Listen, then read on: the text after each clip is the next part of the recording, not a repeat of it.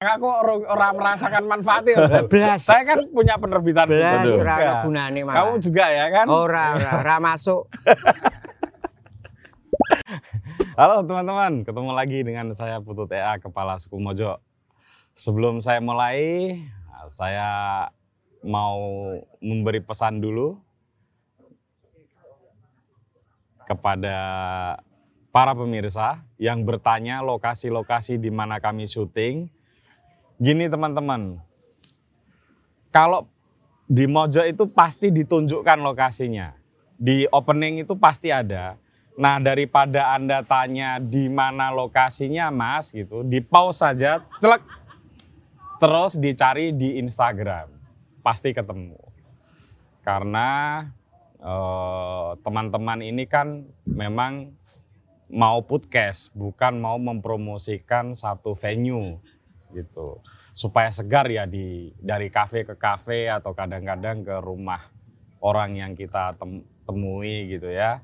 Jadi mohon teman-teman agak lebih berusaha sedikit lah. Tapi memang ada beberapa yang tidak kita shoot tempatnya karena kami eh, merasa tempat itu memang tidak kami rekomendasikan lah didatangi gitu. Jadi lihat aja openingnya ya teman-teman. Oke kali ini ada dua tamu istimewa tentu saja. Guys. Yang satu adalah Mas Dodo Hartoko atau biasa disebut orang-orang buku menyebut beliau ini Om Dodo dari penerbit buku baik salah satu penerbit yang terlalu banyak mendapatkan tepuk tangan tapi nek payu piye bro nek payune piye payune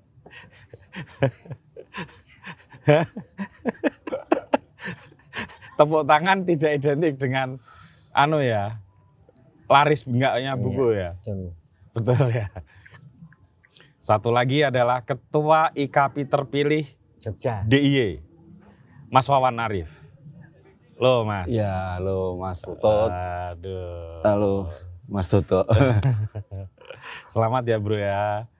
Waduh, saya nggak tahu sih harus seneng apa sedih kalau diselamatin Ah. terpilih ketua EKP ya nanti aja ngobrol. Iya, iya.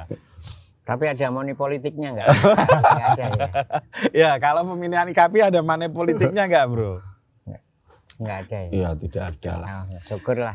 Teman-teman, kita akan membahas banyak hal tentang dunia perbukuan yang mungkin sebagian besar teman-teman tidak tahu banyak. Nah, kita akan kuliti lapis demi lapis lah dunia buku yang sepertinya kok produk kultural yang apa ya, sangat intelektual tapi dalam prakteknya belum tentu seperti itu.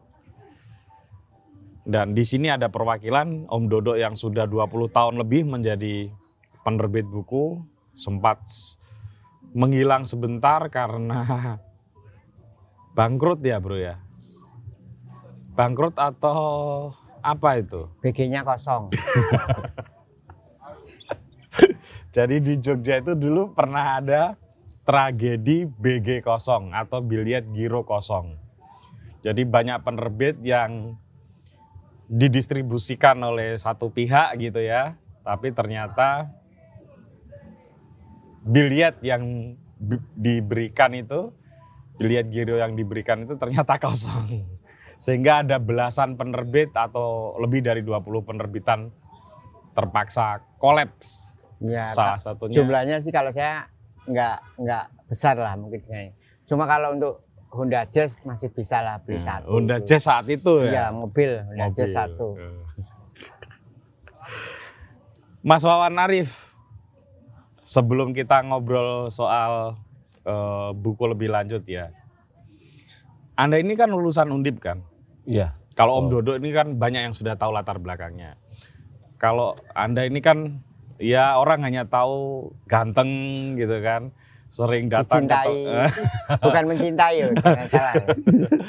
sering datang ke forum-forum yang ber-AC gitu kan dengan pakaian yang necis. Ini kayaknya dia tadi agak telat karena mencoba menyesuaikan diri dengan kita. Ah, betul. enggak lah.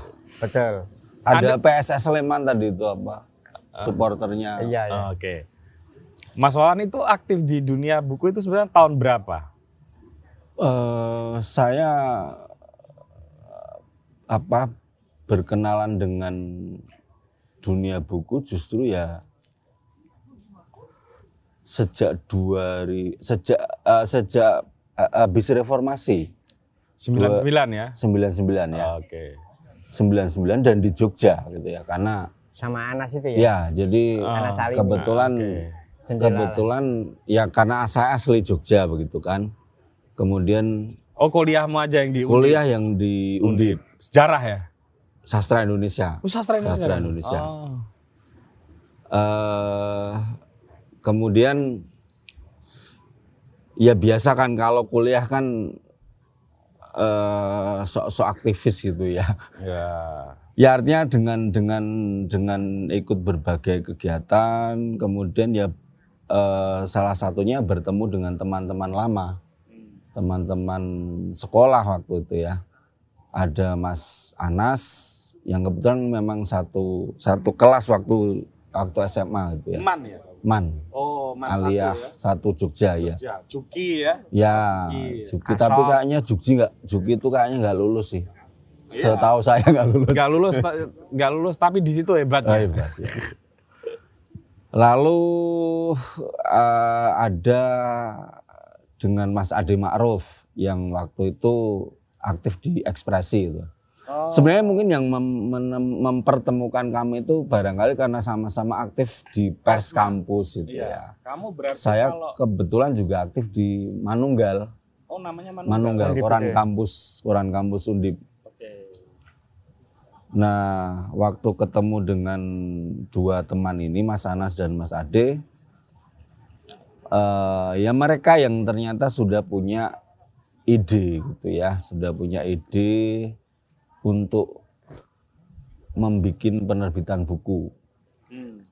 Barangkali karena terinspirasi beberapa senior atau mungkin juga waktu itu memang apa ya penerbit penerbit rumahan, penerbit kos-kosan kan muncul loh. Betul, marak sekali. Eh, termasuk buku baik. Iya, termasuk salah satunya akhirnya ya jendela itu. Nama kami kan penerbit jendela itu. Oh, oh akhirnya kamu gabung dengan Ade Ma'ruf Ya, dan Anas ya? Iya. Kami bertiga langsung sepakat ini kita jalankan bareng-bareng. Waktu itu bahkan sudah sudah langsung bikin akta notaris itu ya. Untuk apa membadan hukumkan penerbitan kami lalu ya ya berjalan. Hmm. Tapi memang saya tidak lama sih ya karena status saya belum lulus. Oke. 99 itu belum lulus, saya belum lulus kuliah. Hmm. Eh, saya mungkin hanya sekitar satu setengah tahun Di jendela. di jendela. Hmm. Artinya itu ekuivalen tiga semester saya tidak ngurusin kuliah. Hmm. Sampai akhirnya surat ancaman DU itu datang ke rumah saya. Hmm. Yang menerima ibu saya. Siapa yang berani melawan ketika ibu sudah Oke. membicarakan ini kenapa ada drop out kemudian saya ya pamit dengan dua teman itu untuk mengurusi dulu lah apa merampungkan karena memang sebenarnya tinggal tinggal tinggal skripsi saja sih Ah. Tapi akhirnya nggak rampung. rampung kalau saya rampung Rampung dan kemudian rampung. bekerja di pen- salah satu penerbit besar ya iya di Tiga Serangkai. di tiga serangkai Solo Ah. Sebagai apa itu bro? editor Oh, editor oke. ya 2001 lulus menikah Oh menikah dulu. menikah dulu jobless tapi berani menikah waktu itu Wes, kendel ya.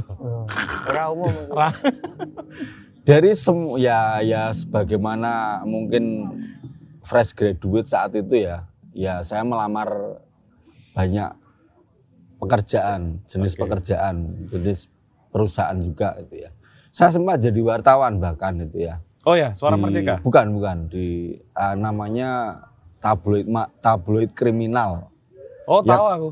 karena memang anu sih ah, ya karena ka- beberapa senior kita itu kan biasanya ngontak-ngontak juniornya kan Dan kalau waktu itu marak tabloid iya kan, pasca reformasi. betul betul. Artinya kalau ada peluang untuk bekerja di sebuah media massa ya biasanya info itu sampai pada kader-kadernya gitu Oke. kan. Dan saya karena alumni apa senior senior saya di Undip rata-rata memang wartawan. Jadi kalau bicara suara merdeka pun saya pikir isinya hanya lulusan sastra dan fisip Undip. Iya, benar. Nah, Eh, kemudian bikin penerbitan sendiri tahun berapa?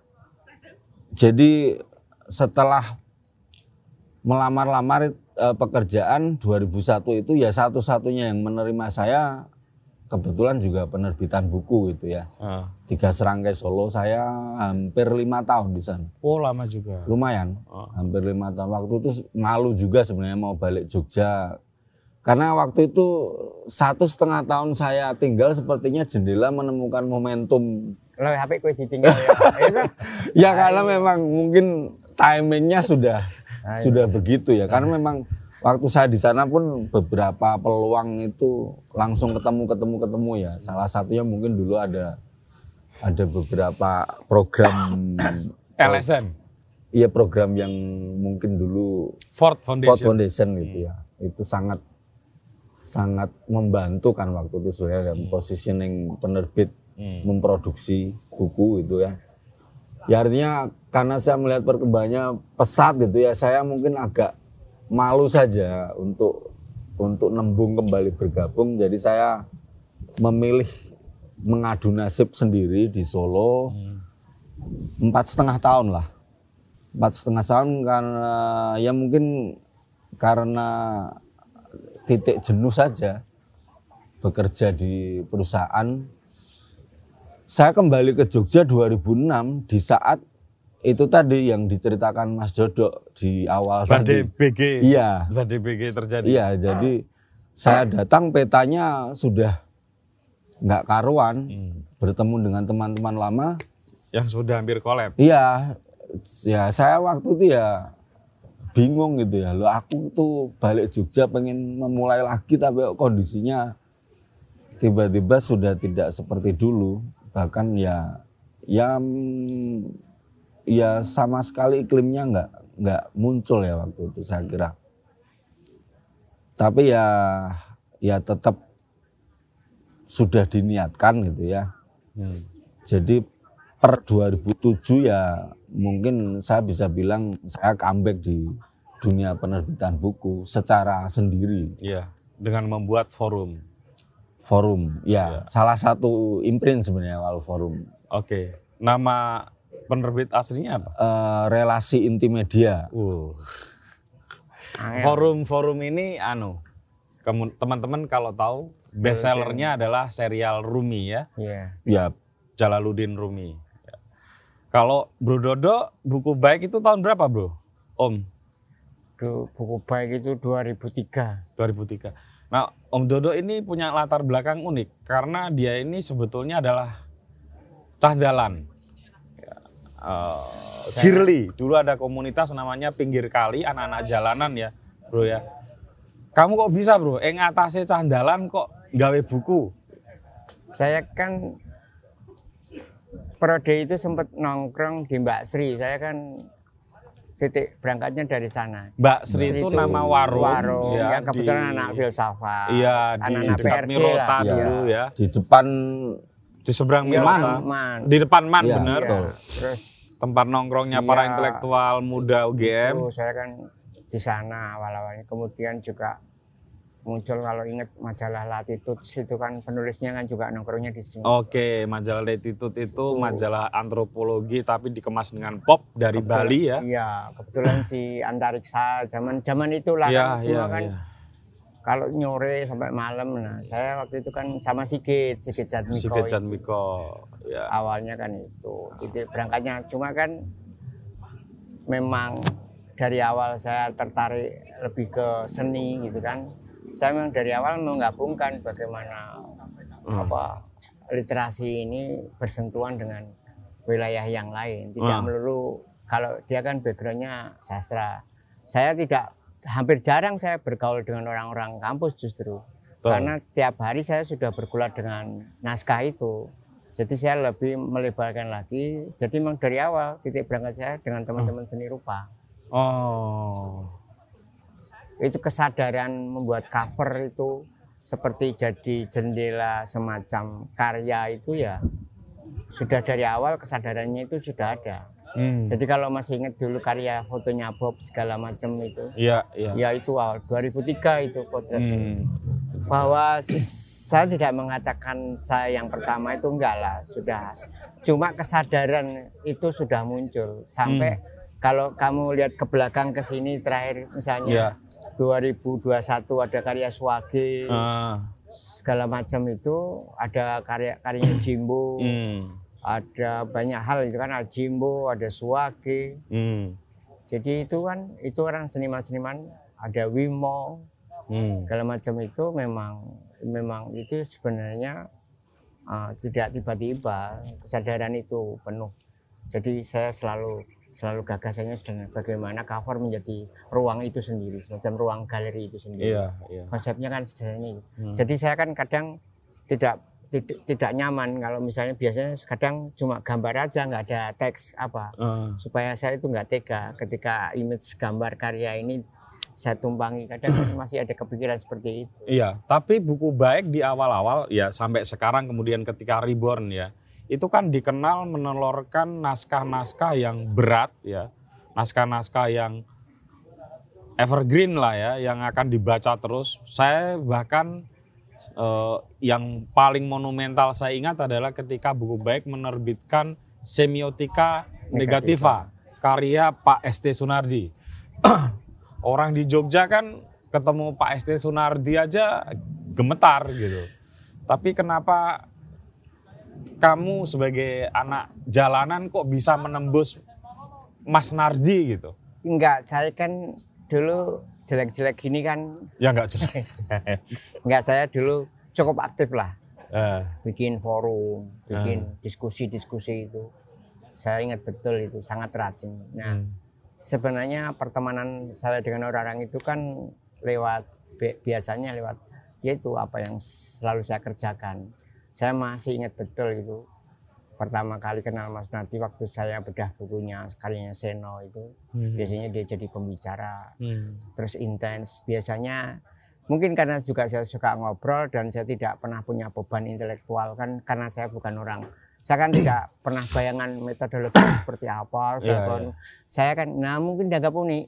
Eh, yang penting yakin ya kan modalnya kan gitu. Ya, ya nah saya kan nggak pernah punya beban itu. Jadi mungkin mungkin orang-orang kayak Mas Faro kebetulan kan sangat dekat sekali ya. dengan Mas Nardi ke- Hmm. sekarang terakhir dengan Seno karena memang saya selalu merasa nganu aja jadi deket aja saya kan tidak melihat itu sebagai Bahkan Gunawan Muhammad kan? ya saya terakhir menerbitkan Orang ketemu Gunawan Muhammad aja Ya, berani ngejek di Facebook. Tapi kalau ketemu orangnya kan belum tentu betul berani berhadapan-hadapan secara intelektual gitu. ya Hmm. dan seperti dengan GM kan lucu juga.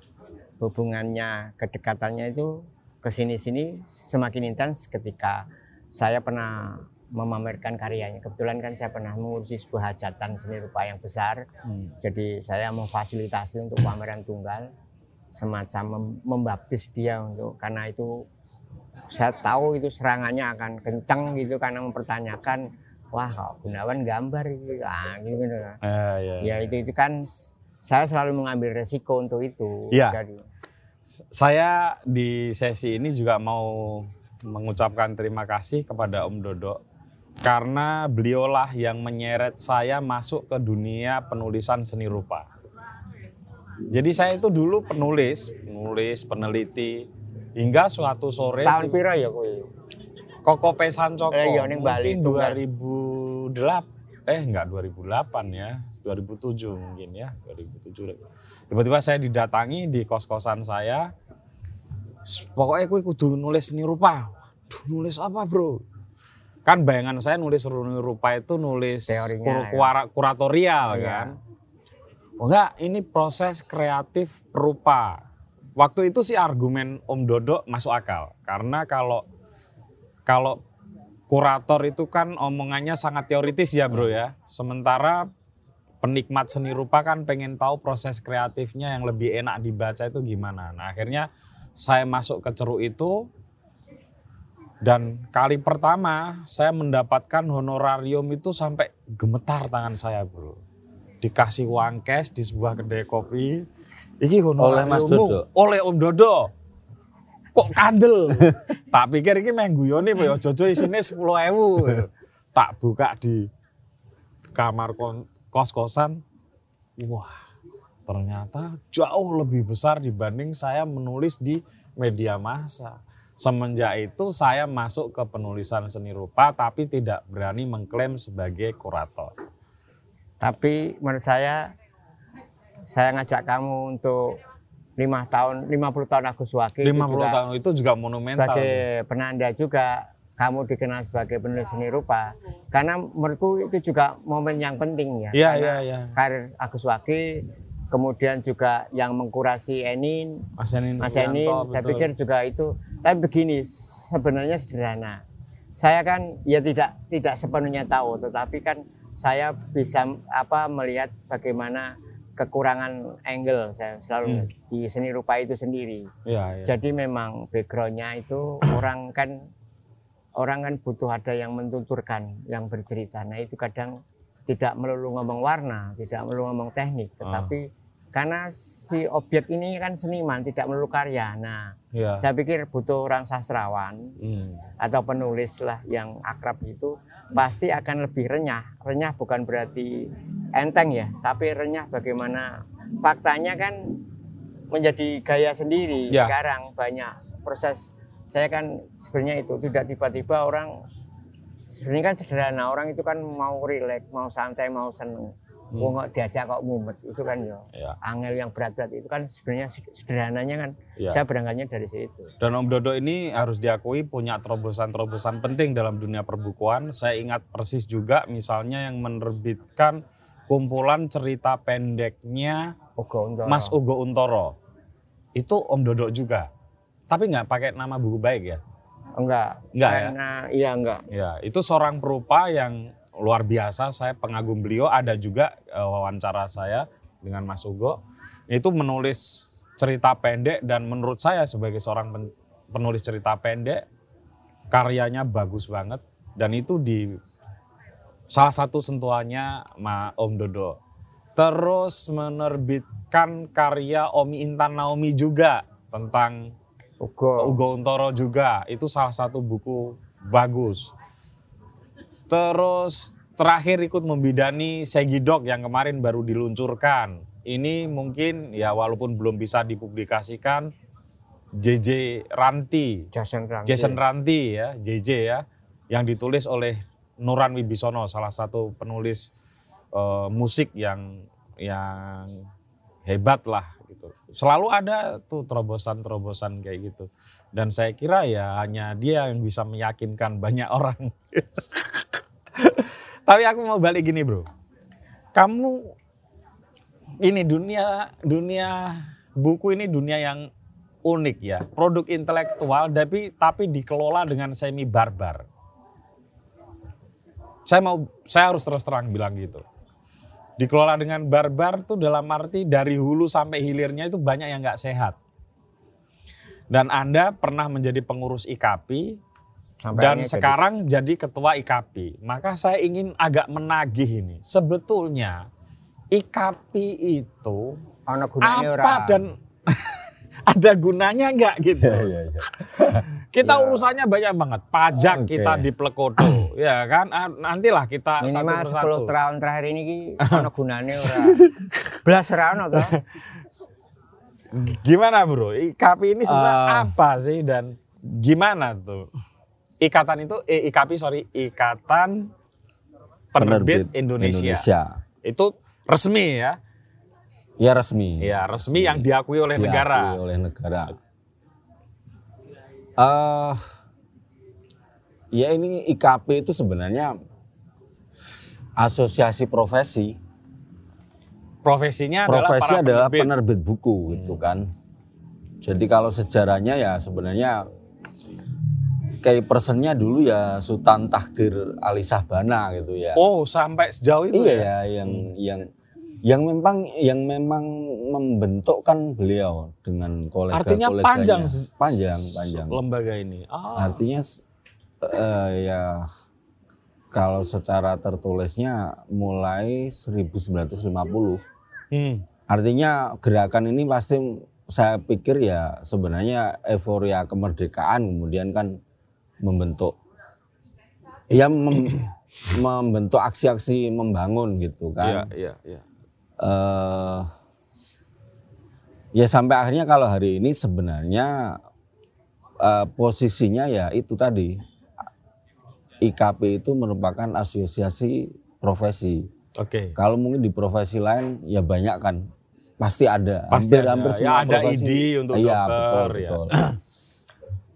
Ya sebagaimana fungsi eh, paguyubannya sebuah profesi, saya pikir kan ini pasti titik kumpul gitu ya, titik kumpul di mana semua persoalan mungkin didiskusikan. Hmm.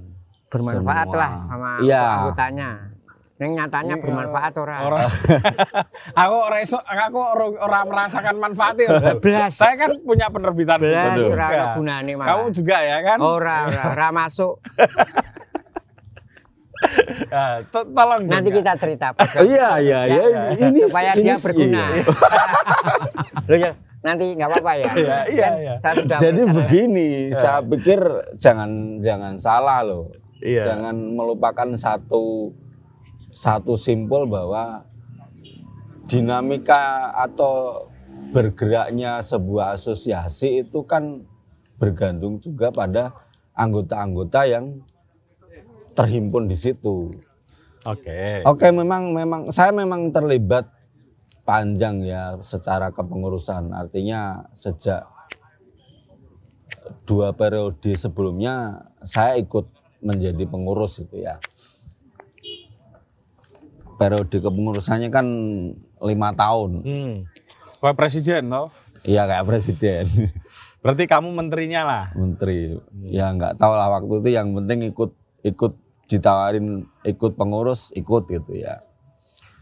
Eh saya melihat memang ada ada animo yang turun drastis itu ya dari para anggotanya untuk Gabung dengan ya untuk bergabung untuk mungkin menghidupkan kepengurusan lalu barangkali berdiskusi dan menemukan sebuah ide-ide. Eh, itu saya mencatatnya di situ pertama. Yang kedua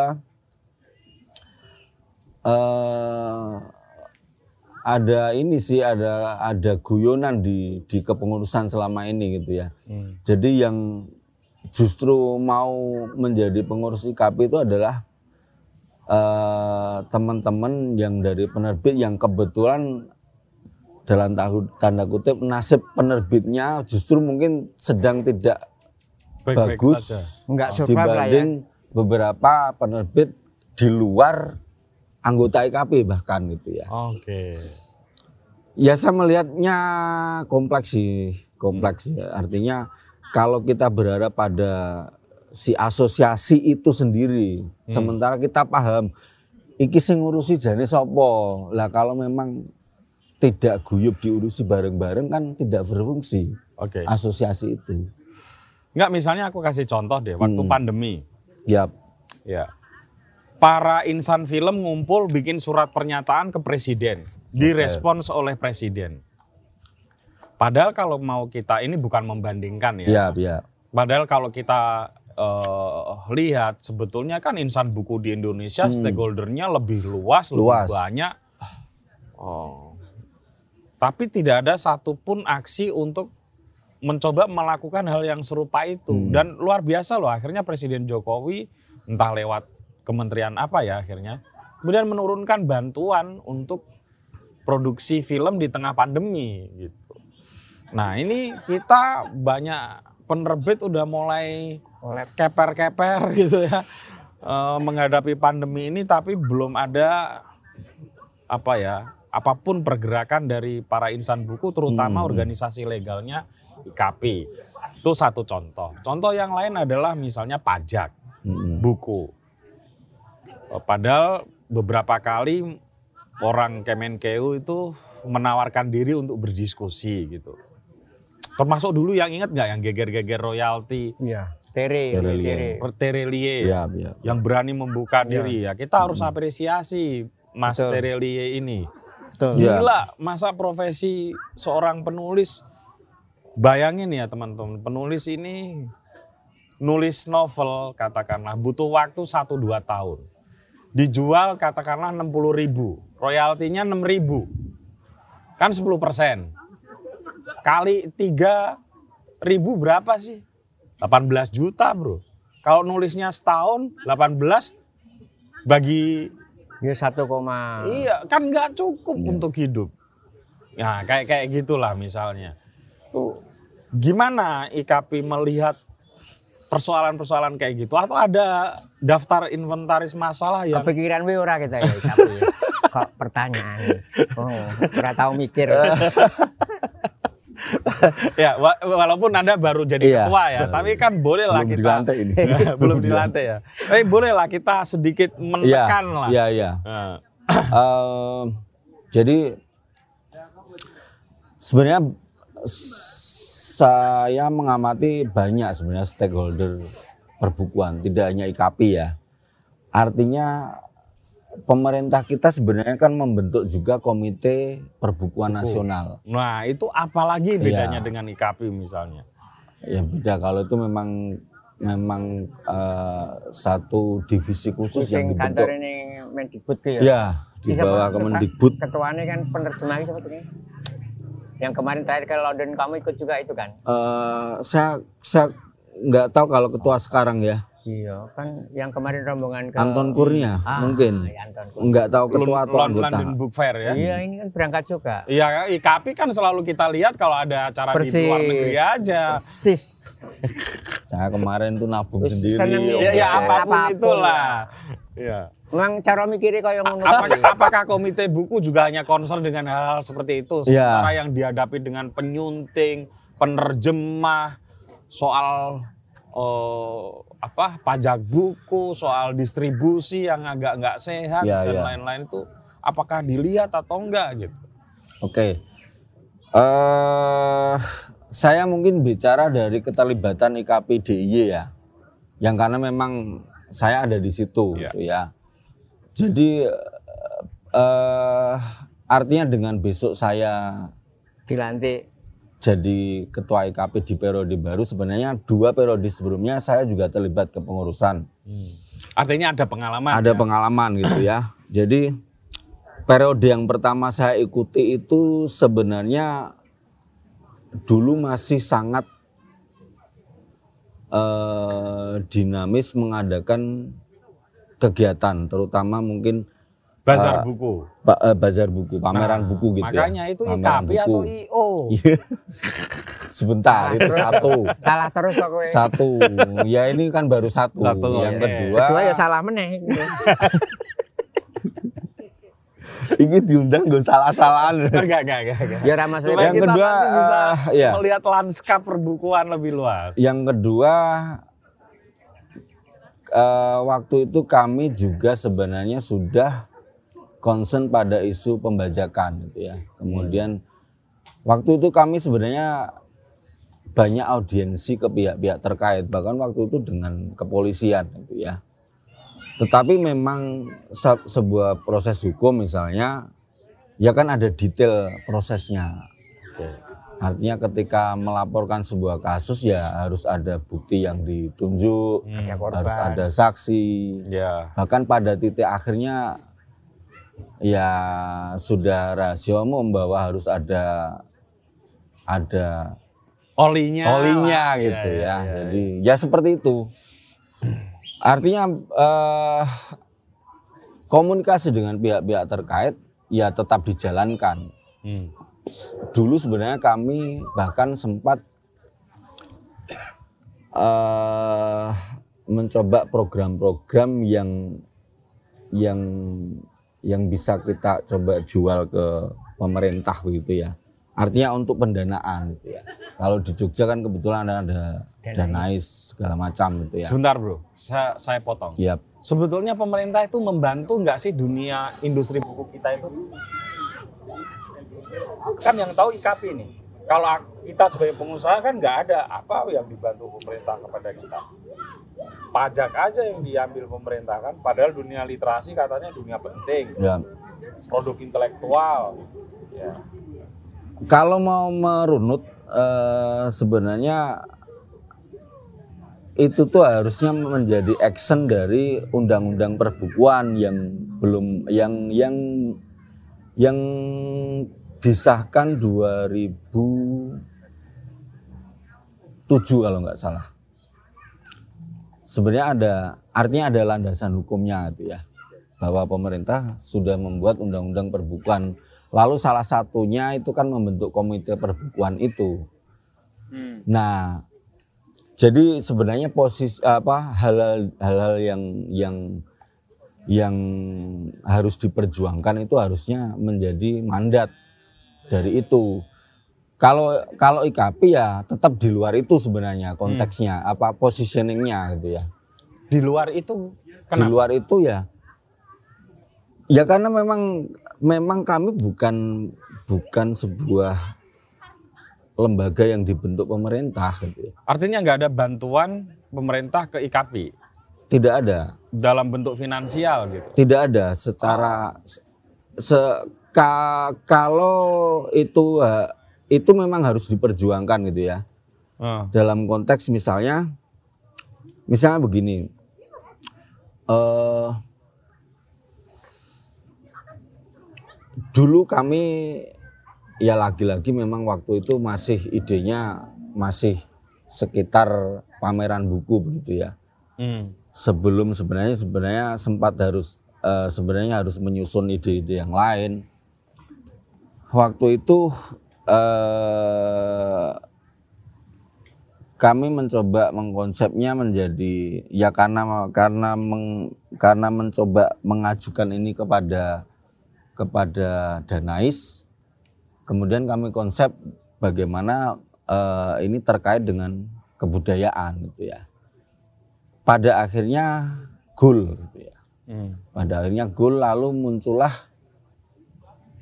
dua event pameran di mana peserta peserta kan berarti penerbit-penerbit buku itu tidak harus membayar stand menyewa stand seperti pameran-pameran yang sebelumnya berlangsung. disubsidi gitu loh. Ya, Ya, artinya ya, ya. itu kita bentukkan ke sana sehingga sehingga ya bisa jadi tempat jualan bersama lah. Hmm. Nah artinya sebenarnya program-program begini yang memang harus banyak dipikirkan dan idealnya asosiasi menjadi jenderalnya kan. gitu ya. Ya. Tapi sekali lagi eh, saya, saya singgung di depan itu ya, mungkin konteksnya untuk IKP DIY, Hmm. saya melihat animo kepedulian yang sedang turun drastis dari para anggotanya. Tapi gini bro, animo itu kan sebetulnya ada konteks psikologis dan sosialnya. Ya, Karena kami merasa para penerbit ini ya memang nggak merasa dibantu apa-apa baik oleh pemerintah maupun oleh IKP. Betul nggak, Om? Betul.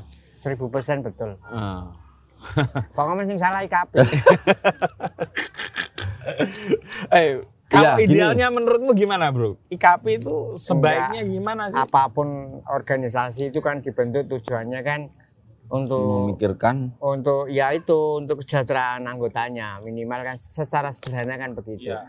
Cuma kan sudah tidak menjadi rahasia umum kan kepentingannya banyak. Misalnya do rebutan proyek, ya ini ono proyek kadang enggak. Misalnya kan begitu macam-macam. Kita kan tidak tahu. Tetapi kan organisasi yang kekeh untuk memperjuangkan anggotanya kan sebenarnya itu idealnya.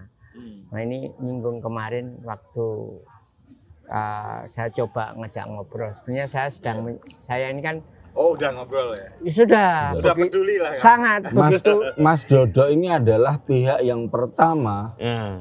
memberikan saya ide untuk nanti bagaimana agar IKPI IKPDY berguna. dalam periode yang ke depan. nanti saya terlibat jadi ketua itu berguna. Sudah boleh di dipublikasikan. Boleh, boleh ya? Ya, gimana, Bro? Jadi begini, eh, sebenarnya begini, nyaris di Jogja itu menurut saya ya tidak ada satu kegiatan yang cukup representatif. Jadi gini, kalau kita ngomong literasi, setidak-tidaknya bau kertasnya itu ada. Saya kan selalu menganalog ini. Ya. Mambu kertas we ora kok. Hmm. Misalnya kan saya tidak menyebut acara yang lain. Iya, iya. Jadi hanya gimmick-gimmick aja. Hmm. Nah, saya kan waktu ngajak ngopi berdua ya. Hmm. Bro saya kan ke ketua IKP. Hmm. Kowe ora pengin kok uripmu ki ono gunane. Bener nggak? Pertama ya. Maksudku jadikan itu jadi panggung, tapi kan untuk kemaslahatan orang banyak. Betul. Setidaknya kita hidup itu kan ono gunanya. Hmm. Tapi sebenarnya saya kan coba memetakan, saya tahulah ada event ya di Bali di Ubud, Hmm. yang di Borobudur. Iya. Saya kan coba mencari celah. Hmm. Nah, saya membayangkan buku itu juga merangkul semua. Jadi saya membayangkan sebuah keluarga yang kecil tapi berbondong-bondong datang ke event itu. Ada advokasinya, Hmm. ada edukasinya, Hmm. juga bau kertasnya itu juga ada. Nah, kemarin saya kebetulan saya melibatkan ada namanya Agung Kurniawan. Jadi saya sudah berkali-kali, ada lima kali kita kita ketemuan sebenarnya. Jadi dia Dengan sebagai- dia. Iya semuanya. Jadi ada. Mas Indra Ismawan. Hmm. Sidang digodok aja. Jadi Mas Agung ini kebetulan saya posisikan sebagai direktur artistik. Jadi saya membayangkan sebuah event. Hmm. Tetapi saya selalu bilang sama Mas Wawan ini, Mas Jogja itu kan secara infrastruktur itu kan sangat kuat. Infrastruktur dalam pengertian bukan bangunan. Ya, ya, ya. Orang-orangnya itu kan luar biasanya. Betul. Nah, tugas saya itu sebenarnya hanya menjahit simpul-simpul itu. Karena apa itu yang bisa saya kerjakan dan belum tentu juga orang punya pengalaman yang sama. Jadi Ya. saya hanya menggabungkan pengalaman-pengalaman orang-orang ini. Jadi ada Mas Indra Ismawan untuk sementara ini kan saya bikin panitia kecil aja. Ada Mas Wawan yang pokok-pokok ada Seni. Hmm. Seni itu direktur Toga Mas. Togamas Hmm. yang saya membayangkan juga nanti juga banyak kan salah satu toko buku yang penting lah. sangat penting karena dari sanalah orang-orang juga bisa bertumbuh. Iya, termasuk reseller kan biasanya dulu Betul. belinya dari situ. Betul. Jadi sangat terbuka karena itu. Nah, saya membayangkan itu juga peristiwanya itu jadinya kayak peristiwa seni tetapi akarnya literasi. Hmm. Cara cara mikir sederhananya seperti itu. Hmm. Karena di Jogja semuanya ada. Hmm. Ya ini, nah waktu itu saya bilang untuk sementara saya nanting sama Indra Ismawan, Mas aku butuh backup untuk jalan ini ya. Dia 1000% membackup. Jadi kami, tetapi waktu itu saya mengajukan teman-teman kita itu hari ini itu nggak bisa kalau kerjasama. Kalau Mas Agung bilang kalau kita masuk hutan itu kan isinya macam-macam. Ya ono ular kadut, ono ketek, ono ulo, ono macan. Ya tetap dirangkul, tinggal nanti komunikasinya seperti apa. Tentu saya juga akan merangkul banyak banyak pihak.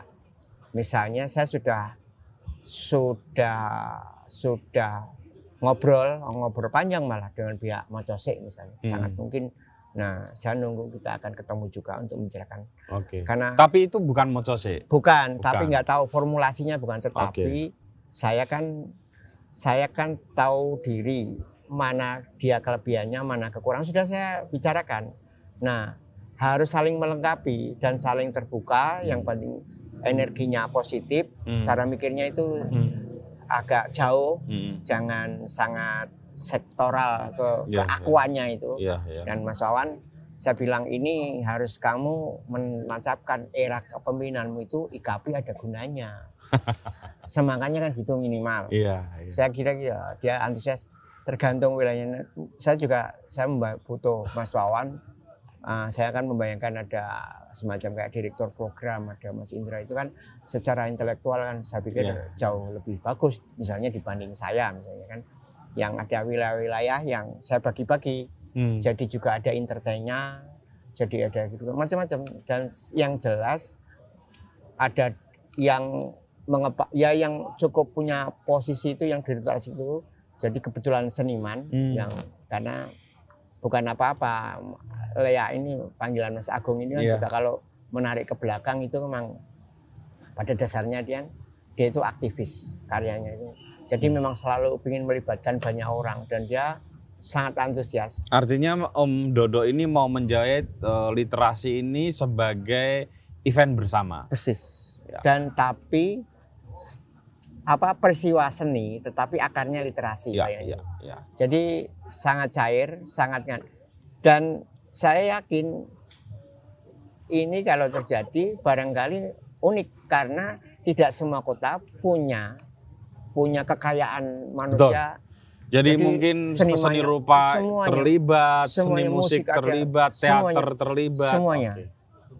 Menarik. itu menarik. sangat dan itu itu yang Jogja tidak punya kan lucu ngomong mengklaim kota pendidikan kota bla bla bla bla bla tapi eventnya Tapi sendiri- embrionya sebenarnya ada kan? Sangat ada. Kampung Buku Jogja, Persis. Mocosi. Persis. ya. kan orang-orangnya juga itu tetapi Ya, ya. itu sampai kapan cuma pukul-pukul sekali pukul lari pukul lari nggak Oke. bisa nggak punya apa apa Sustainability. persis Mhm. nah Oke, itu bayangannya Bro. ke depan seperti itu Bro Awan, Ya, ya, selain ya. hal yang seperti ini, apa yang ada di program an- kepemimpinan Anda yang bisa Anda bagikan ke publik? Oke. Eh, jadi kemarin itu ceritanya saya bilang di di forum musdanya IKP. Hmm. eh,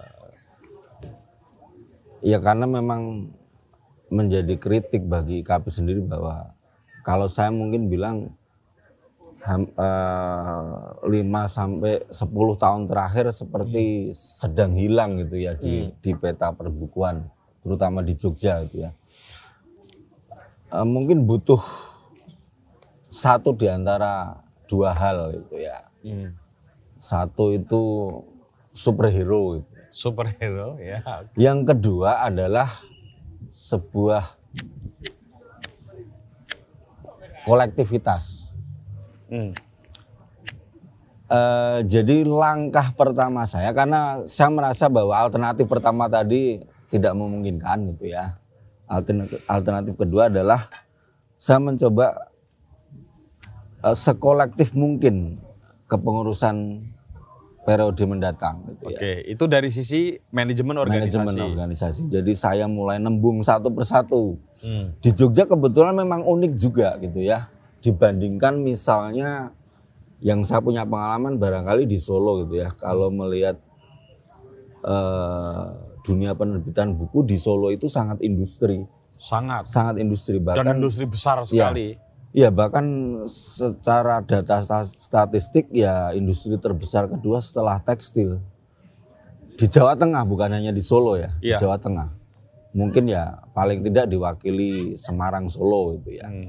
Ada beberapa penerbit yang memang levelnya industri gitu ya. Ada Industri besar lah ada, ya. Ada Intan, ada Aneka Ilmu dulu, Iya. tapi sekarang Aneka Ilmu tutup sebenarnya. Jadi eh, artinya kalau di Jogja itu kan mungkin tidak begitu gitu ya. Jogja ini gerilyawan. Iya. Gerilyawan buku. Penerbit buku ya ada yang eh, apa aktivitas kebudayaan gitu ya. Ada muncul sekarang bahkan indie gitu Iya. ya. Walaupun ini sih belum ada yang ngalahin Jogja. Iya, walaupun sebenarnya ada juga beberapa beberapa penerbit yang yang yang mungkin eh, levelnya seperti industri juga ada di Jogja. Iya. Artinya ini unik gitu ya di Jogja unik, di Jogja unik sehingga saya mencoba meng, meng- menggandeng semuanya menjadi ya kalau bahasa politiknya kan kolektif kolegial gitu ya. Waduh. Apa itu Mas Toto? Ngerti lah. Ya berusaha merangkul semua pihak Iya. ya. Sehingga sehingga eh, apa gerakannya menjadi yang benar-benar kolektif gitu ya. Jadi dis- didiskusikan bersama persoalannya muncul yang dari teman-teman indie apa, yang dari teman-teman eh, yang mungkin perusahaan eh, level besar apa gitu ya. Nah, yang menarik sih mu- mudah-mudahan ini angin segar gitu ya. Hmm. Kalau tadi saya menyebut dua periode sebelumnya ada animo yang turun. hilang gitu ya. Saya hampir tidak menerima penolakan Oh, Anda kan diterima di semua pihak. dari sekitar jadi mungkin nanti ada ada sekitar eh, 18 orang yang di kepengurusan dari 18 penerbit berbeda. Hmm. Nah, ini ke di luar saya berarti ada 17 ya. Ya, Itu nyaris tidak ada yang menolak. oke. Yang merayu-rayu ada gitu ya, tetapi nyaris semuanya support gitu ya. Mudah-mudahan sih ini angin segar gitu ya. Ya, ya. Sehingga nanti nanti ada ide-ide yang bisa kita perjuangkan bersama Hmm. gitu kan. Jadi misalnya saya memunculkan divisi advokasi gitu ya, yang di periode-periode sebelumnya tidak ada sebenarnya. oke. Artinya ini untuk mengakomodir beberapa persoalan yang mungkin di- mungkin bahkan ke ranah hukum bukan hanya pembajakan saja. Hmm. Artinya barangkali ada pelanggaran intelektual segala macam. Oh kan. iya, iya. Ya, artinya Itu mudah-mudahan. Hmm. ya mudah-mudahan itu kan ya jadi terakomodir ketika muncul persoalan-persoalan sejenis. Bro, aku masih penasaran ya. Hmm. Menurutmu, kenapa pemerintah ini bukan hanya rezim Pak Ya, Jokowi, ya, ya. itu tidak punya perhatian pada dunia buku, dunia industri buku. Itu kenapa? Menurut pengalamanmu ya, se- 10 tahun menjadi pengurus IKAPI. Hmm, saya mungkin begini ya, apa membandingkan dengan saya punya satu pengalaman eh, ketika pernah menghadiri jadi hampir di setiap negara itu kan punya event pameran yang level internasional. Ya. 2000 saya agak lupa 2000 Sing nanti kowe, ini Jerman apa bukan, sing bukan, bukan. Hanya hanya di Kuala Lumpur sih. Oh. Jadi mereka juga punya event Iya. event uh, book fair level internasional. gitu Iya. ya. Saya terkejut ketika ngobrol dengan dengan para praktisi penerbit buku di sana. Hmm. Eh, di Malaysia itu kalau orang membeli buku mereka akan sangat rewel untuk mengumpulkan struk pembelian, struk belanja. Oke. Artinya misalnya belanja ke toko buku Ya. X gitu ya. Ya. Ketika kasirnya barangkali lupa memberi Seruk. resep gitu, Iya. struk, Iya. mereka akan rewel untuk meminta. Hmm. Karena apa? Karena setiap mereka belanja sekitar seribu ringgit Malaysia, Hmm. Belanja buku, Buku. dengan menunjukkan struk-struknya Ya. itu. Itu ketika mereka melakukan pelaporan pajak pribadi, Hmm. itu akan dipotong sekitar 100 ribu, eh 100 ringgit. gitu. Oke. Artinya kan ini action gitu ya. Iya, iya, iya. Kemudian ternyata juga muncul bahwa semua mahasiswa di sana itu juga disubsidi, disubsidi semacam ada kartu gitu ya, Iya. yang di situ diisi sekitar 2000 ringgit. Itu untuk khusus belanja buku selama satu tahun. Hmm. Artinya ada action-action yang yang sa- buat saya memang mengejutkan betapa ini kan sebenarnya simpel gitu ya. Ya. Mengapa tidak muncul di Indonesia gitu ya. Atau misalnya sederhana gini deh, bro. Kalau aku kan penulis ya, Hmm. Eh, penulis yang aku dianggap oke lah agak agak mapan ya Ya, dibanding penulis yang lain gitu ya. Ada yang memang tapi persentasenya kan nggak lebih dari 2%. Rata-rata sebagian kan sebetulnya ya menyedihkan ya. hmm. Kenapa nggak misalnya setiap penerbit yang menerbitkan buku, otomatis penulisnya langsung dapat subsidi dari negara, nggak usah banyak-banyak misalnya, 5 juta per penulis, kan bukan uang yang terlalu besar sebetulnya untuk negara. Eh, ya, eh sebenarnya ada harapan besar ya ketika undang-undang perbukuan itu dibentuk itu. Kemudian salah satunya muncul rekomendasi membentuk komite buku itu ya. Tetapi saya pribadi melihat actionnya masih nol gitu ya. Actionnya masih nol. Mereka mungkin waktu pandemi kemarin sebenarnya juga bersurat resmi kepada pemerintah. Hmm. Tetapi ya tidak tidak tidak me- menjadi apa-apa gitu ya, tidak menjadi Karena apa itu? apa-apa. Komite rapuh maksudnya nggak punya Iya. ke bawah atau gimana? Saya kira ya mungkin. Iya. Mereka Bisa kan, jadi, bisa mereka jadi. kan mungkin nggak ngerti apa yang terjadi Mas dalam industri Putut itu buku. juga harus tahu waktu dia jadi Ah. ketua IKP itu kampanyenya apa? Sampai kamu ketua ini. Tolong diceritakan supaya Gimana kita tahu. gimana? Kampanyemu itu, tagline-mu itu. Enggak gini. Gimana gimana gimana? Ya ini ya se- sebenarnya eh saya mungkin ya serba salah gitu ya. Jadi di sisi lain saya juga penerbit yang butuh yang artinya mengalami mungkin persoalan-persoalan serupa dengan teman-teman penerbit Oh lain iya, gitu ya. kita harus akui bahwa Iya. penerbitan kita ini Iya. sebetulnya nggak sehat-sehat Ah, ah, amat, iya. bahaya banget gitu loh, dan rentan. iya dan kebetulan memang harus saya juga harus mengakui bahwa kepengurusan IKP di periode terakhir ini memang nyaris eh, tidak ada kegiatan yang mencoba memperjuangkan kepentingan bersama-sama gitu ya. Iya. Saya mencatat karena sepertinya terlalu banyak senior. Terlalu banyak senior yang yang sudah jaraknya itu sudah terlalu jauh dengan dengan persoalan buku hari ini. Hmm. Jadi ya saya sempat cerita Mas Dodo sih waktu itu eh, waktu disuruh kampanye gitu ya saya bilang semua pengurus senior akan saya pensiunkan tidak akan saya pilih lagi di kepengurusan berikutnya. Langsung Iya, iya. aklamasi Saya akan kepilih. memilih yang muda-muda yang Ya, hari ya, ini ya. paham persoalan kan Hmm. bagus. di, Bagus, bagus. di Semangatnya jalan. Nah, Terpilihlah dia. Iya. Ya tiba-tiba tepuk tangan aja waktu itu gitu ya. Cuma memang calonnya cuma satu. Ya karena aklamasi. Ya kaya apa pun calonnya siji aja kepilih lah. Wong ora ono liyane kok. Iya. Bercanda. Ya tapi saya saya secara pribadi senang karena Mas Wawan itu eh, punya penerbitan. Artinya dia tahu persis apa sih persoalan penerbitan Ya, di betul. Indonesia. Betul. Dan penerbitannya juga bukan kelas penerbitan yang besar karena 80% lebih penerbitan di Indonesia itu penerbitan menengah ke bawah. Wah, kan? iya. Dan itu tadi konteks Jogja itu makin unik lagi gitu ya. Ya. Oh ya mungkin saya ceritakan itu ya.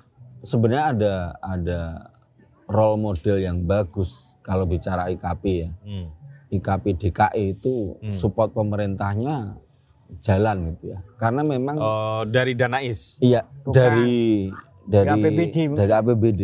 Hah? Dari APBD. Contoh Oh, oh Jakarta. sorry. Jakarta, Jakarta. Jakarta ini iya. ya. Jadi saya melihat Oh, mungkin oke. memang memang memang secara kepengurusan, secara animo anggota gitu ya memang sepertinya sangat dinamis di Jakarta gitu ya. Hmm.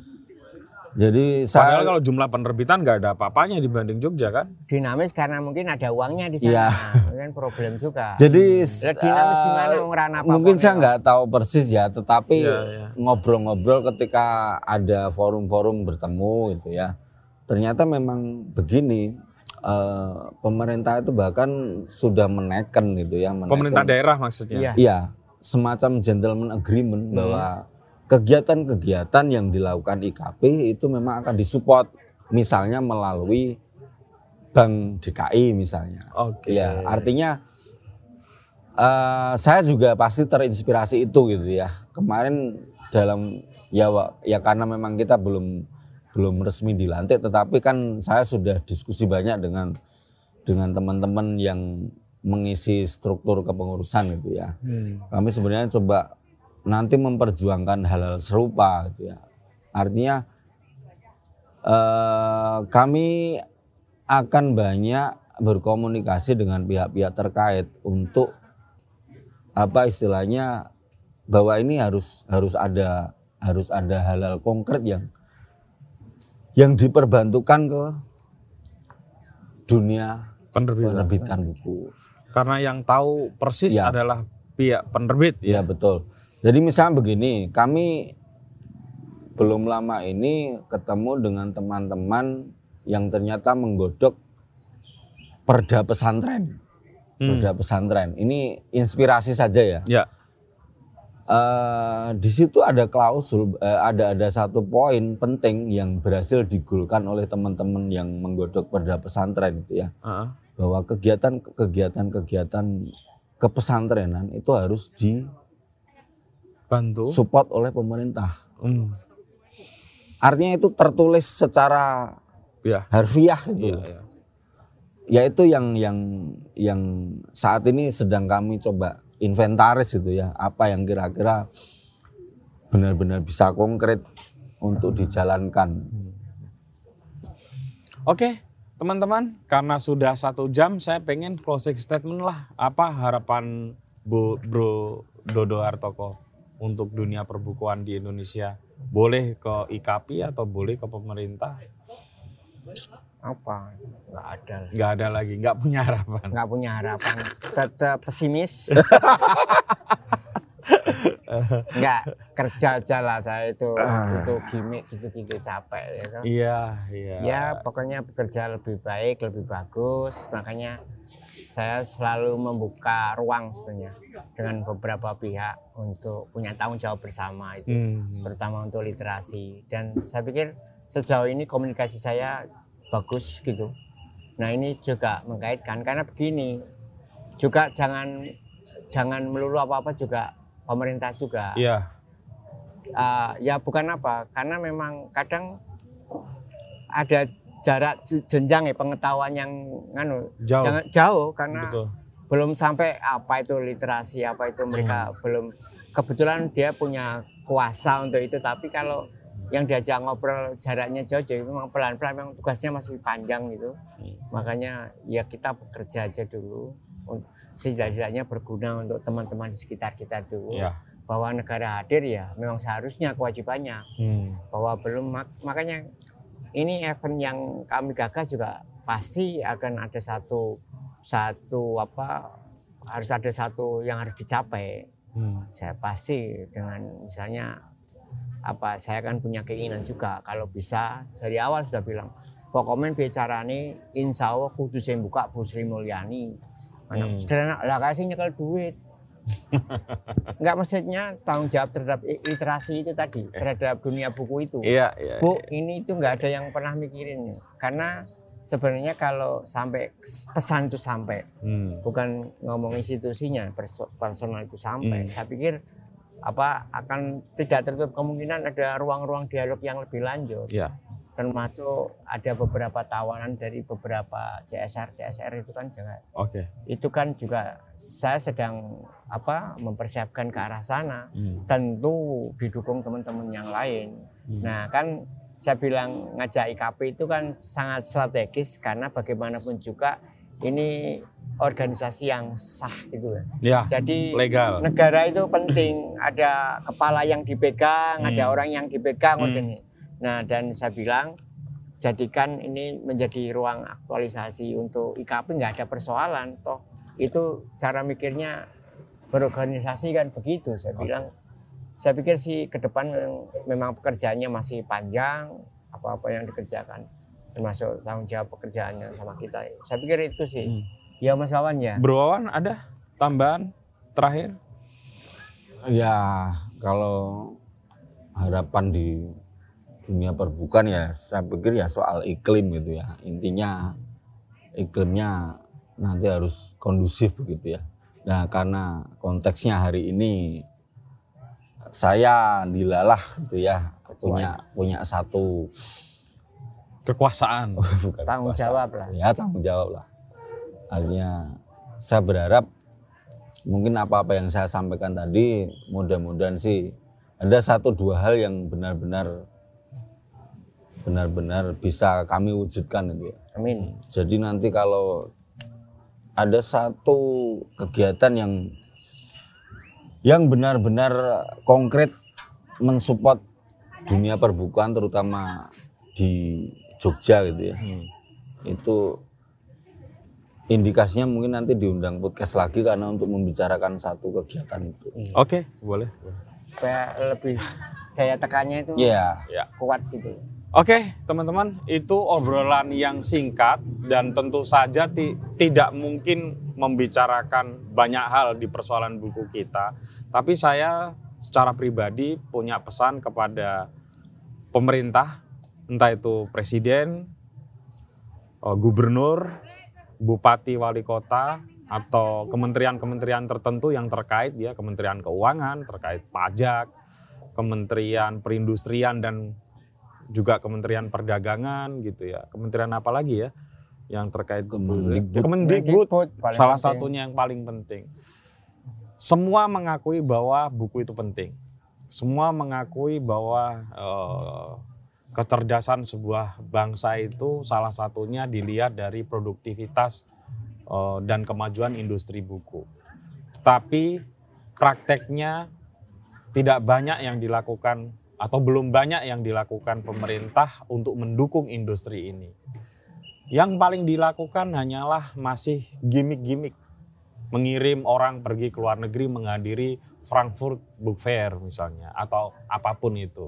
Ya itu penting sih, tapi kan itu bukan hal yang fundamental.